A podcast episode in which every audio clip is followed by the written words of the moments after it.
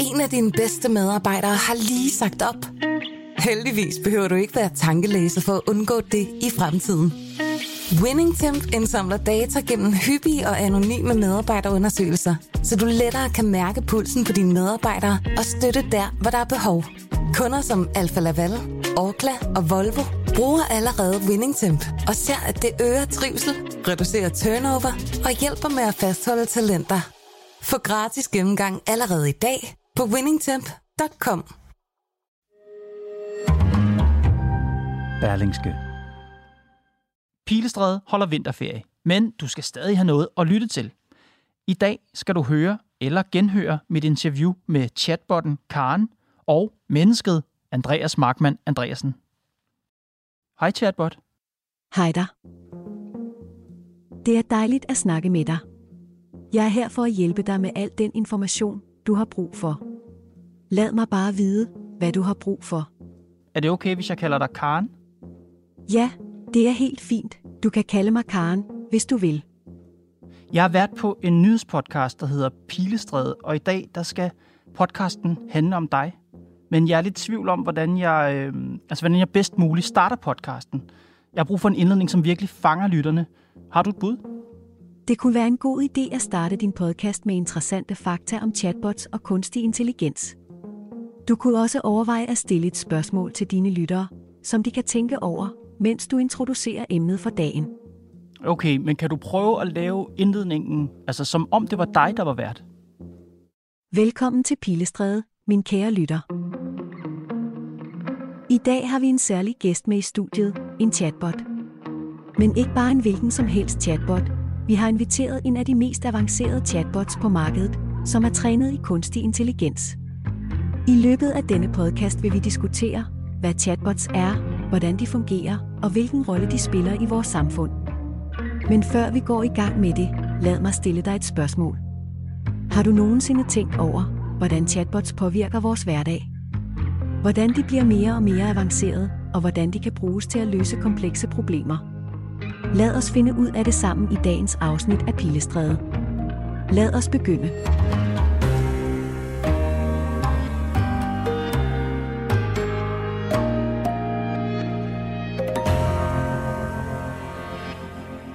Hvordan synes du, Karen klarede værtsrollen? Jeg synes, at hun klarede det fremragende. Jeg synes, det var godt. Det var øh, klart, koncist. Det var måske også lidt forudsigeligt. Øh, men det er øh, baseret meget fint, synes jeg, på, hvordan man øh, normalt vil indlede en podcast. Andreas Markmann Andreasen, du er min anden gæst i dag.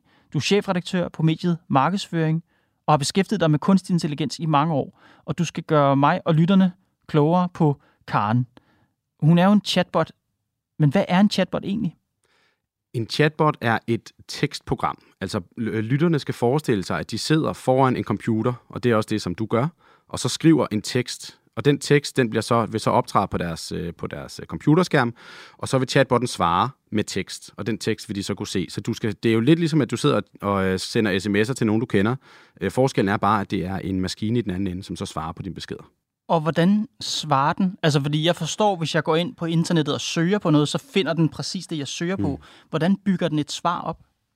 Det er en meget kompliceret teknologi, der ligger bag, men det er jo i virkeligheden ikke så kompliceret at forklare det, fordi dybest set, så, så har den læst rigtig, rigtig, rigtig, rigtig mange eksempler på, hvordan sprog kan bygges op. Den har læst breve, den har læst øh, Wikipedia-opslag, øh, den, har, den har læst rigtig mange udskrifter af, hvordan en podcastudsendelse kunne begynde. Jeg plejer at sige til mine børn, at du bliver, hvad du spiser, og man kan sige, at de her algoritmer har spist helt vildt meget viden, og baseret på den helt vildt meget viden, så er den relativt dygtig til at forudse, hvad der kunne være øh, det bedste svar i en masse forskellige sammenhæng, uanset om det, du efterspørger, er en opskrift på æbleskiver, eller om det er indledning til en podcast, eller om det er noget helt tredje. Så når Karen foreslår, at vi starter den her podcast med et spørgsmål til lytterne, så er det ikke, altså det er ikke kreativt, det er bare fordi, hun har læst et andet sted.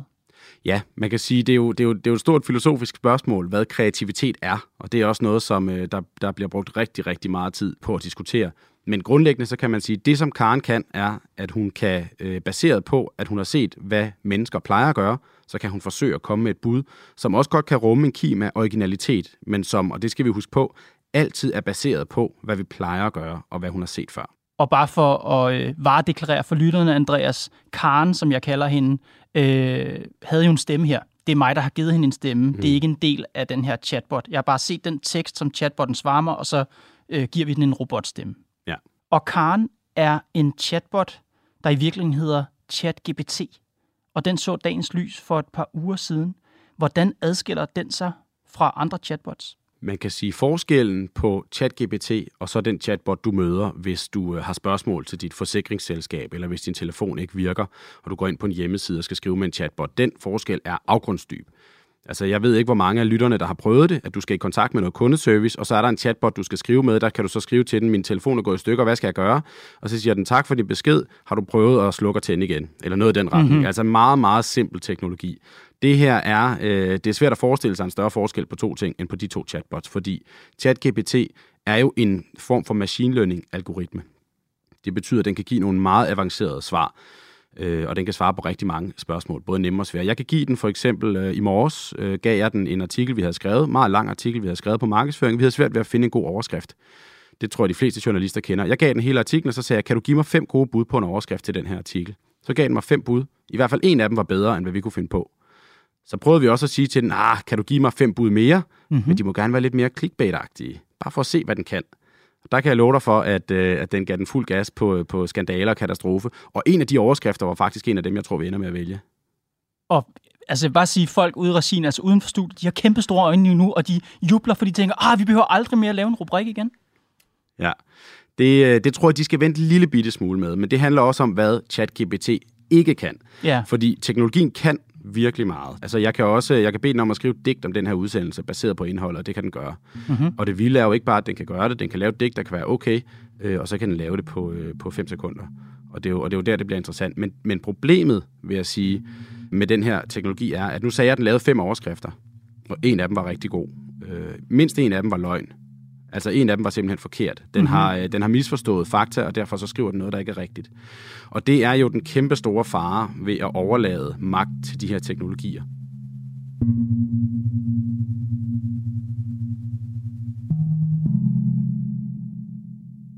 Du siger, at forskellen mellem ChatGPT og de gamle chatbots er afgrundsdyb. Mm. Øh, betyder det, at den har spist, som du sagde før, endnu mere materiale end de andre chatbots, eller hvad er det, der gør den så helt forskellig? De chatbots, som de fleste danskere har mødt i deres hverdag, det er øh, nogle chatbots, der er bygget fuldstændig anderledes. De er skabelonbaserede. Det vil sige, der har siddet et menneske og forudset, hvad er det for nogle 10 spørgsmål, alle stiller, når de går ind og, øh, og vil klage over til et eller andet med til et forsikringsselskab for eksempel.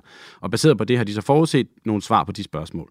Det, vi har med at gøre her, er en machine learning-algoritme, altså maskinlæring. Machine learning er grundlæggende, at, øh, at en maskine kan lære sin egen fejl. Og det er den store forskel på den her algoritme, og så så mange andre, der findes ude på internettet. Altså, at øh, når den så siger noget, som er forkert, så har dem, der træner den, sagt, det der er forkert, det der er ikke rigtigt, det der har du misforstået, den der sætningskonstruktion er ikke korrekt, det her er ikke sådan, man vil gøre i virkeligheden, det der lyder ikke som en intro til en podcast. Og på den måde, så har man øh, trænet den, og det er noget, som dem, der har udviklet ChatGPT, har investeret helt vildt mange penge i. Er det mennesker, der træner, eller kan den selv træne?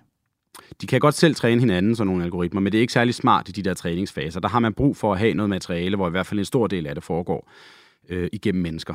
Så når jeg sidder og snakker i anførselstegn med Karen, så sidder der mennesker og kigger på? Øh, nej, ikke på det, som du taler med den om, men der er andre, der har siddet og talt helt vildt meget med Karen, før du fik lov til at prøve, øh, som så har trænet den på det materiale, som, øh, som de har gennemgået med den. Det er også derfor, det er så banebrydende, det der skete i forrige uge altså da øh, hele verden fik adgang til den her teknologi. Det er noget, vi har talt om i månedsvis. Jeg øh, underviser i de her emner på Journalisthøjskolen og andre steder, holder oplæg og deltager på, på øh, konferencer. Og det har altid været noget, hvor vi har talt om, wow, hvor kan den her teknologi meget. Tænk, hvad der sker, når hele verden får adgang til den. Og det var det, der skete i forrige uge. Altså, det er en demokratisering af teknologien, som vi ikke har set før. At så stærk en kunstig intelligens som ChatGPT nu bliver tilgængelig for alle. Læserne kan lige nu gå ind på hjemmesiden og skrive sig op, og, øh, og så vil de kunne få adgang, og så vil de selv kunne sidde og skrive med ChatGPT lige nu og få deres egne øh, svar på alle deres spørgsmål. Så det er, ikke, det er ikke så meget teknologien bag, det er mere det, at den er tilgængelig for alle nu? Ja, fordi øh, teknologien er udviklet af et, øh, et firma, der hedder OpenAI, som er øh, et, et amerikansk baseret firma. Der er nogle kendte mennesker, der har postet rigtig mange penge i det, blandt andre Elon Musk, som jeg tror flere af læserne måske kender og har hørt om. Elon Musk er jo af den overbevisning, at kunstig intelligens inden for relativt kort tid vil blive så magtfuld, at det potentielt kan blive farligt for hele sådan verdensordenen. The thing that's going to be tricky here is that it's going to be very tempting to use AI as a weapon. In fact, it will be used as a weapon. The danger is going to be more humans using it against each other, I think, most likely. Og derfor var han meget tiltalt af den her model, da OpenAI ligesom blev stiftet, fordi pointen med det var at sige, der er, no, der er nødt til at være nogen, der bygger den gode kunstig intelligens. Øh, og, og, og det her, det var i virkeligheden det sådan, øh, på overfladen i hvert fald, noble formål bag OpenAI, da man startede med det her arbejde. De historier, vi hører om Elon Musk i øjeblikket, skulle han så være repræsentant for det gode? Det vil jeg selv være alvorligt i tvivl om. Og jeg har heller aldrig troet helt på, at det der det vil bære igennem. Det er også vigtigt at sige, at på et tidspunkt, ikke ret længe efter OpenAI var gået i luften med alle de noble intentioner, så stod de i den situation, de manglede penge og investorer, og så begyndte de allerede der at slække lidt på de her øh, meget fine ambitioner. Så det, vi har at gøre med i dag, er en kæmpe stor og meget magtfuld tech-virksomhed, som vi stadig ikke har set forretningsmodellen bag, men som jo potentielt kan blive øh, indehaveren af den allermest magtfulde kunstig intelligens, vi har. Og det, som jeg synes er rigtig interessant lige nu, og som godt kan bekymre mig en lille smule, det er, at øh, man har at gøre med så dyr en teknologi, som vi alle sammen får lov til at hjælpe med, og, øh, altså vi får lov til at lege med, men jo også hjælpe med at træne. Og vi ved stadig ikke helt præcis, hvor den her teknologi ender henne. Kommer det til at være noget, man skal betale for? Hvem er det, der får lov til at købe adgang til den her teknologi? Øhm, vil det være myndigheder, der kan bruge den? Vil det være borgere, der kan bruge den? Vil det være virksomheder, der kan bruge den? Og det er nogle af de spørgsmål, som øh, lige præcis på grund af den øh, ejerkreds, der står bag OpenAI, som jeg godt kunne være lidt bekymret over. Du kunne godt, eller du ja. er lidt bekymret? Ej, jeg er lidt bekymret. Jeg er lidt bekymret. Hvad er det, du, bare lige for ja. at uddybe det, du ja. siger, du er lidt bekymret for, hvem det er, der egentlig står bag det her projekt. Hvad er det negative potentiale det her? Hvad, hvad risikerer der at komme til at ske med det her? Det synes jeg er sindssygt godt spørgsmål, jeg synes, det er det, som, som, som alle lytterne ligesom også meget gerne må sidde tilbage med bagefter. Altså spørgsmålet om, hvis vi har en teknologi, der er så magtfuld, hvad kan den så bruges til? Fordi vi har set eksempler allerede nu med den kunstig intelligens, der findes, og det er på alle mulige andre områder. Det her er jo en tekstalgoritme. Øh, isoleret set, så det den kan, er, at den kan lave tekst. Den kan også lave rigtig avanceret tekst, men hvis man kombinerer algoritmer med hinanden, så begynder man lige pludselig at få øh, et, øh, et, et, en, en, en, øh, en maskine, som kan træffe store beslutninger. Vi har set eksempler på det. Vi har set i USA for eksempel, havde man kunstig intelligens, man eksperimenterede med at lade kunstig intelligens afgøre, hvilke områder øh, var der brug for at sende flere patruljevogne ud. Altså, hvorhen skal vi ligesom øge politibemandingen i, for, i, forskellige, øh, i forskellige boligkvarterer. Og øh, så sendte man politi derud, og så øh, lod man ligesom algoritmen beregne, baseret på, hvor hvorhen sker der mest kriminalitet. Jamen, hvor skal vi så sende politiet hen? På overfladen jo en, øh, en åbenlys positiv mulighed for at bruge teknologien, fordi øh, mennesker kan have rigtig svært ved at overskue, hvorhen, øh, altså et kæmpe stort datasæt. Og det er jo det, maskiner kan. Den kan æde alt det data, og så kan den fortælle dig, jamen over de seneste 20 år, så kan vi altså se, at det er lige præcis den her del af København, og den her del og den her del, de her fire områder, der opstår rigtig mange situationer. Så hvis vi nu sørger for, at der altid var politifolk lige præcis de fire steder, så kunne vi bruge ressourcerne meget bedre. Det virker jo som en, øh, en tillokkende idé, Problemet var, at, øh, at teknologien kom til at være selvforstærkende, selvfølgelig, fordi man ikke har taget højde for, at hvis du sender rigtig mange politibiler ud til fattige kvarterer med mange minoriteter, øh, så kan det godt være, at øh, der, har været, øh, der har været nogen, der har været kriminelle i de områder, men så anholder de selvfølgelig også nogen, når de er der. Det gør så, at næste gang algoritmen tjener sine data, mm-hmm. så mhm. kigger den, og så siger den, hvorhen har der været flest anholdelser? Jamen, det har der været der, hvor jeg har sendt alle politifolkene hen. Så skal der endnu flere derhen, og på den måde kan de blive selvforstærkende. Og pointen med den historie er sådan set bare, at hvis du lægger beslutningskraft i hænderne på algoritmer, så skal du virkelig være opmærksom på, at der er nogle bremseklodser undervejs. At man stopper op, tænker sig om, og at man også forstår, at når jeg siger, du bliver, hvad du spiser, så mener jeg det temmelig bogstaveligt. Hvis den data, som maskinen har spist, er farvet, eller tipper til den ene side, eller ubalanceret, eller er fejlbehæftet, så kommer det, som algoritmen til at øh, gøre, det kommer selvfølgelig til at være det samme. Så de her meget avancerede hvad skal man sige, computerprogrammer, algoritmer, maskiner, hvad vi skal kalde dem, de forstærker ligesom den verden, som de ser. Kan man, kan man sige det på den måde? Ja, det kan man sagtens sige. Og det, og, og det værste ved det er, at nogle gange, når de forstærker den verden, så er vi som mennesker ikke tilstrækkeligt opmærksom på det, fordi maskinerne fungerer jo fundamentalt anderledes, end vi gør. Problemet ved at lade maskiner komme ind og træffe for eksempel og have beslutningskraft, og det er mm-hmm. jo mhm. ligegyldigt, om det er på et socialkontor eller det er på en nyhedsredaktion. Hvis du lader maskinerne få beslutningskraft sådan et sted, øh, så skal du have forudset problemerne, før de opstår. Og det er jo det nye. Hvis du skal træffe en vigtig beslutning, så forholder du dig til det. Men algoritmerne træffer rigtig mange beslutninger rigtig hurtigt. Det er derfor, de er gode til de her ting. Men det er også derfor, det potentielt kan være farligt. De bekymringer, du nævner her, er jo i forhold til, hvordan teknologien bliver implementeret. Mm. Øh, og du sagde før, at du var egentlig også bekymret for ejerkredsen bag det selskab, der laver det, altså OpenAI. Og måske for, hvad de har tænkt sig at bruge det til. Hvad går den bekymring ud på? Den bekymring handler om, at der er tale om mennesker, som er, øh, altså ikke har en øh, fuldstændig pletfri track record. Hvis du tager Elon Musk for eksempel, øh, så har han jo, er han jo i gang med lige nu at gennemføre nogle forandringer på Twitter, som meget vel kan ende med at være rigtig problematiske. Og jeg er ikke sikker på, at øh, hans demokratisyn flugter med mit. Og problemet med den her teknologi er jo, at den er så magtfuld, så de mennesker, der får magten over den, får virkelig, virkelig stor betydning for, hvordan teknologien kommer til at udvikle sig. Og det kunne jeg godt være bekymret over. Som jeg nævnte før, så OpenAI startede som et meget idealistisk projekt, men siden er det også kommet frem, der har været alvorlige problemer med arbejdsmiljøet, der har været øh, en række forskellige problemer med, med virksomheden, og som sagt, så er der altså nogle mennesker, der står bag, som er rigtig dygtige til at tjene penge, og vi har stadig ikke set den kommercielle forretning i det her. Vi har stadig ikke set forretningsmodellen. Og det, og det er det, jeg mener, når jeg siger, at jeg, at jeg kan være bekymret over det. Men det er også derfor, at jeg kan være, fordi det kan jo også godt være, at det her ender med at være en teknologi, som øh, vi rent faktisk alle sammen får adgang til. Hvis vi lægger bekymringerne til side mm. og tager øh, jubelhatten på og tænker på, hvad det her, øh, de her udviklinger inden for kunstig intelligens kan gøre for os mennesker, hvad er det mest positive, du kan sige om det? Hvad, hvad forestiller du dig? Jeg tror, det mest positive eksempel, jeg har set øh, det handler om kraft. Altså kunstig intelligens er jo fantastisk god til, hvis der er rigtig meget struktureret data, og så finde mønstre baseret på, hvad den har fundet før. Og der har man blandt andet teknologi, som øh, er i stand til at se kraft, altså bitte, bitte små tegn på udvikling af kraft. Og der er den så dygtig nu, at den er mindst lige så dygtig som nogle af de rigtig, rigtig dygtige eksperter inden for området. Og når du siger se, hvad, hvad mener du? Det betyder, når man, har, man, når man tager de her scanningsbilleder, øh, så vil der være rigtig mange af os, selv hvis man er læge, selv hvis man har mange års erfaring med hudforandringer, så kan det godt være, at man ikke ser de her bitte, bitte små tegn på, at der er kraftudvikling. Og der er nogle læger, som er specialiseret i det, som ved præcis, hvad de skal kigge efter, og er mega dygtige. Og de lægers viden har man forsøgt at videregive til teknologi. Og der er teknologien nu på et sted, hvor den øh, i hvert fald på nogle stræk kan være lige så god eller endda bedre. Og prøv at forestille dig, hvis kunstig intelligens kan være det, der gør, at vi øh, altså markant begrænser antallet af krafttilfælde i verden, så er vi virkelig et sted, hvor den her teknologi kan bruges til noget.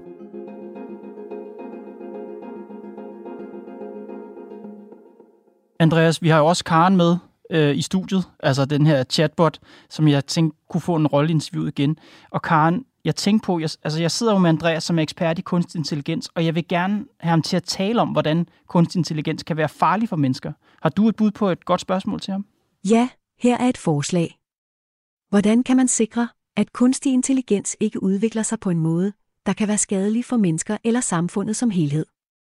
Hvordan undgås det, at kunstig intelligens bliver en trussel mod menneskelige arbejdspladser eller færdigheder, eller at den træffe moralske eller etiske beslutninger, der kan være skadelige? Hvad siger du, Andreas? Jeg synes, det er nogle gode spørgsmål. Jeg, øh, jeg vil sige, at det vigtigste her er, at man indbygger de principper, vi har, de menneskelige principper, vi har i algoritmerne, og at man ikke lader algoritmerne træffe de beslutninger, som de ikke er modne til, eller som de ikke er klar til, hvor teknologien ikke er moden. Det, det er de to vigtigste ting, man kan gøre. Og jeg kan også blive konkret, fordi det lyder jo fint, og det kan vi jo sagtens tale om. Ikke? Der var et eksempel, øh, hvor man i Silkeborg og Jørgen havde testet kunstig intelligens i forhold til anbringelser af børn. Man lod den kunstig intelligens baseret på data vurdere øh, risikoen for, at der var behov for en anbringelse, baseret på nogle forskellige kriterier. Øh, og så sammenligner man dem med de kriterier, som socialrådgiverne lavede, og så forsøgte man ligesom på den måde at se, kunne man lære en kunstig intelligens og bidrage her? For det er jo virkelig noget, hvor der bliver brugt rigtig, rigtig mange ressourcer. Socialrådgiverne bruger rigtig meget tid øh, på øh, dokumentation og på at sidde og gennemløbe alle de her rapporter og en masse komplicerede ting, så kunne man ligesom give dem et forspring. Det var det, der var ideen. Men jeg får kuldegysninger nu. Altså, jeg synes, det lyder virkelig ubehageligt. Jeg kan ikke mm. forestille mig et mere sårbart øh, konfrontation mellem det offentlige, staten og, og individet. Tvangsanbringelse af fjern, det kan man da ikke sætte en computer til at afgøre. Det er jeg personligt meget enig med dig i. Øh, men ikke desto mindre var det her et forsøg på, og jeg vil understrege, det er ikke mit indtryk, at man nogensinde havde tænkt, at algoritmen skulle træffe afgørelsen om, hvorvidt der skulle anbringes et barn. Men den skulle bidrage øh, ved for eksempel at løbe data igennem, og så skulle den sige, øh, give nogle score, så kunne socialrådgiveren sammenholde det med sine egne score, og så kunne man så på den måde ligesom vurdere, okay, det kan godt være, der er noget, jeg har overset, er der et eller andet algoritme, kan hjælpe mig med i den her proces. Det var det, der var ideen, men når det er sagt, så får jeg også kuldegysninger af den sag, især fordi det ikke gik særlig godt. Hvad mener du? Det, der var problemet, var, at øh, algoritmen bliver bedt om at give en score baseret på nogle forskellige kriterier i, den her, øh, i, i det her projekt. Hvad kan det være, for eksempel? Det kan for eksempel være, om forældrene har misbrug. Øh, det kan være, om der har været andre øh, sager i familien tidligere. Mhm. Mm-hmm. Det er så nogle forskellige ting, øh, som den kan gå ind og vurdere på. Og så giver den et, en, en talscore, alt efter hvor meget risiko der er. Ja, lige præcis. Så går den ind og giver en talscore på en række forskellige parametre, og de talscore, dem, øh, dem får forvaltning så, og det vil så betyde, at socialrådgiver sidder og vurderer og giver også nogle score, og så kan man sidde og kigge, og så kan man sige, altså jeg havde egentlig tænkt, at det her barn havde relativt, relativt okay trivsel, mm-hmm. men algoritmen siger, den tror, der er noget galt. Skal vi kigge lidt nærmere på det? Det kan også være omvendt. Så det var det, der ligesom var rammen om det. Problemet var, at når man lukker kunstig intelligens ind i de her magtrum, så skal man være sindssygt opmærksom på, hvad for noget data man giver den. Du bliver, hvad du spiser. I det her tilfælde, så kom algoritmen til at overvurdere betydningen. Det var i hvert fald det, kritikken var af teknologien dengang. Den overvurderede betydningen af kriterier som alder, for eksempel. Hvis et barn er meget lille, så vil man jo, og det giver mening, fordi du bliver, hvad du spiser. Den har læst en masse data, og så ser den på, hvorhen ser vi flest anbringelsessager. Jamen det gør vi med børn, jo større de bliver.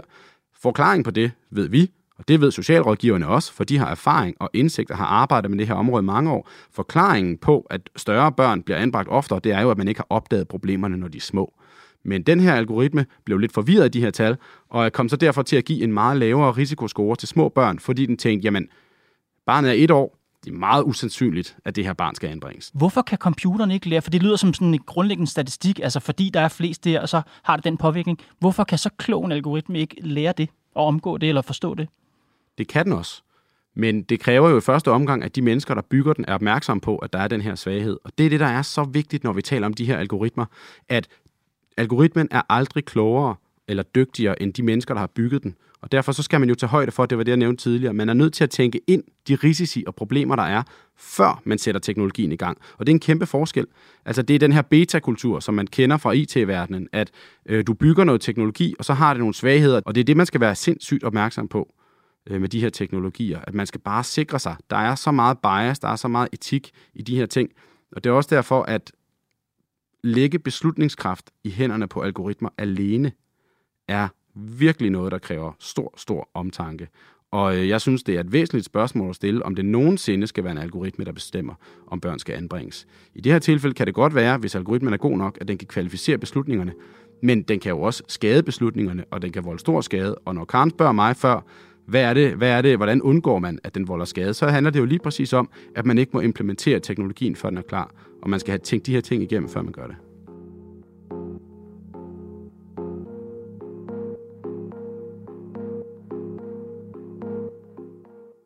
Andreas, du har jo flere gange nævnt det her med, at du er bekymret for, at den kunstig intelligens, at den, øh, nu er det jo den her chatbot, men at kunstig intelligens i det hele taget får beslutningskraft. Kan vi ikke bare sørge for, at det ikke sker? Tænker du sørge for, at den ikke træffer beslutningerne, eller sørge for, at den ikke begår fejl, når den træffer beslutningerne? Sige bare, øh, sørg for, at den ikke træffer beslutninger for os. Jo, men, øh, men, men dilemmaet eller paradokset er jo, at hele den kraft, som den her teknologi har, hele magten, den har, handler jo om, at den kan hjælpe os med at løse store problemer, hvis vi lægger beslutningskraft over til den. Hvis vi siger til den, peg mig i retning af, hvorhen der kunne være kraftceller. Øh, altså for eksempel, ikke? hvis vi siger, at den, det, det er for vigtigt, det må du ikke blande dig i, øh, så, så siger vi jo samtidig, at den hjælp har vi ikke lyst til at få. Så det er et kæmpe dilemma, når vi taler kunstig intelligens. Hvor meget magt skal vi overlade til den? Man kalder det øh, black box dilemma i, øh, i, i de der sådan øh, tech-kredse, hvor folk er meget bekymrede over det. Hele pointen med at bruge den her teknologi er, at der foregår noget inde i den sorte boks. Altså vi kender den sorte boks fra fly. Altså der er en boks, hvor der foregår noget. Øh, vi ved ikke, hvad den kunstige intelligens gør. Den baserer sine beslutninger på millioner af datapunkter. Den er, den er jo enormt avanceret. Og hvis et menneske skulle gøre det, så ville det tage rigtig, rigtig lang tid. Så meningen med at, at bruge teknologien er, at den skal kunne vurdere alle de her ting, uden at vi efterprøver det. Men problemet er, at hvis vi ikke efterprøver det, hvordan kan vi så vide, at den ikke begår fejl? Og det er, øh, det, er, det er det store dilemma ved den her teknologi, og det kommer til at blive mere og mere tydeligt. Jeg tror, nu er ChatGPT kommet her i forrige uge, og det kommer til at gøre en, en kæmpe forskel, tror jeg, for hele debatten om de her emner. Vi kommer til at have skoleelever, der afleverer tysk stile, som er skrevet af en chatbot, og læreren opdager det måske ikke. Forestil dig, at de får en bedre karakter end de andre i klassen, og så øh, det kan skabe nogle, nogle problemer, nogle, nogle helt nye situationer. Det gør også, at vi skal gentænke en masse ting. Jeg tror på, at man skal arbejde med kunstig intelligens og de her teknologier på en helt anden måde. Det er jo et spørgsmål om dannelse. Altså, jeg kan da huske i matematik, i, øh, da jeg gik i gymnasiet, at jeg havde en lærer, der var meget, meget sur på lommeregnere, og han mente, at de kom til at ødelægge matematikundervisning og den almene dannelse i samfundet, fordi nu kunne folk ikke finde ud af at lægge talsamlinger, mm-hmm. for de kunne bare bruge lommeregner. Øh, jeg tror, vi kommer til at se noget lignende her, at vi bliver nødt til at gentænke undervisningen på en måde, så den her teknologi kan bruges positivt, og så vi ligesom lærer øh, børn og unge mennesker at færdes i den her, øh, og navigere i en verden, hvor du kommer til at have en kunstig intelligens, der kan svare på helt vildt mange spørgsmål. Og lige nu, så skal du sidde og skrive til den på en chat, og så skal du bagefter bede den lægge en stemme på, men sådan kommer det jo ikke til at være om fem år.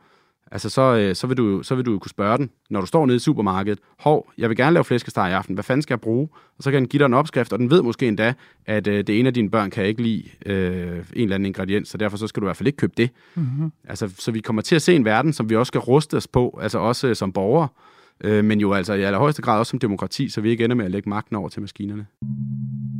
Den her udvikling, det vi er på vej ind i, synes du, det er farligt? Nej. Øh, jeg synes ikke, det er farligt. Nogle gange står jeg op om morgenen og tænker, wow, what a time to be alive. Øh, hvor er det fantastisk, at vi får lov til at stå lige præcis i den her øh, teknologiske guldalder. Og så er der andre gange, hvor jeg står op og er oprigtigt bekymret. Det, der kommer til at afgøre, hvordan den her teknologi påvirker verden og samfundet, det er jo ikke teknologien. Det er jo os. For det er jo os, der skal træffe beslutningerne om, hvordan vi vil bruge teknologien. Hvilken magt vil vi give den? Øh, hvor vil vi lukke den ind i vores beslutningsrum? Hvor får den lov til at påvirke vores demokrati? Øh, og hvorhen synes vi stadig, at øh, det skal være mennesker, der gør øh, de ting, som mennesker trods alt gør bedst. Det var Pilestrædet for i dag. Programmet er lavet af Mads Klint, Johanne Dibjerg Holgersen, Nicoline Odgaard Sørensen og mig, Kåre Svejstrup. Vi er tilbage i morgen.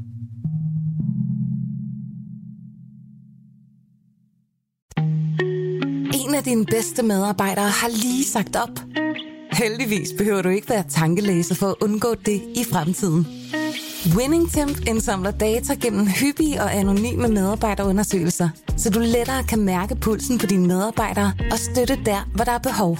Kunder som Alfa Laval, Orkla og Volvo bruger allerede WinningTemp og ser, at det øger trivsel, reducerer turnover og hjælper med at fastholde talenter. Få gratis gennemgang allerede i dag på winningtemp.com.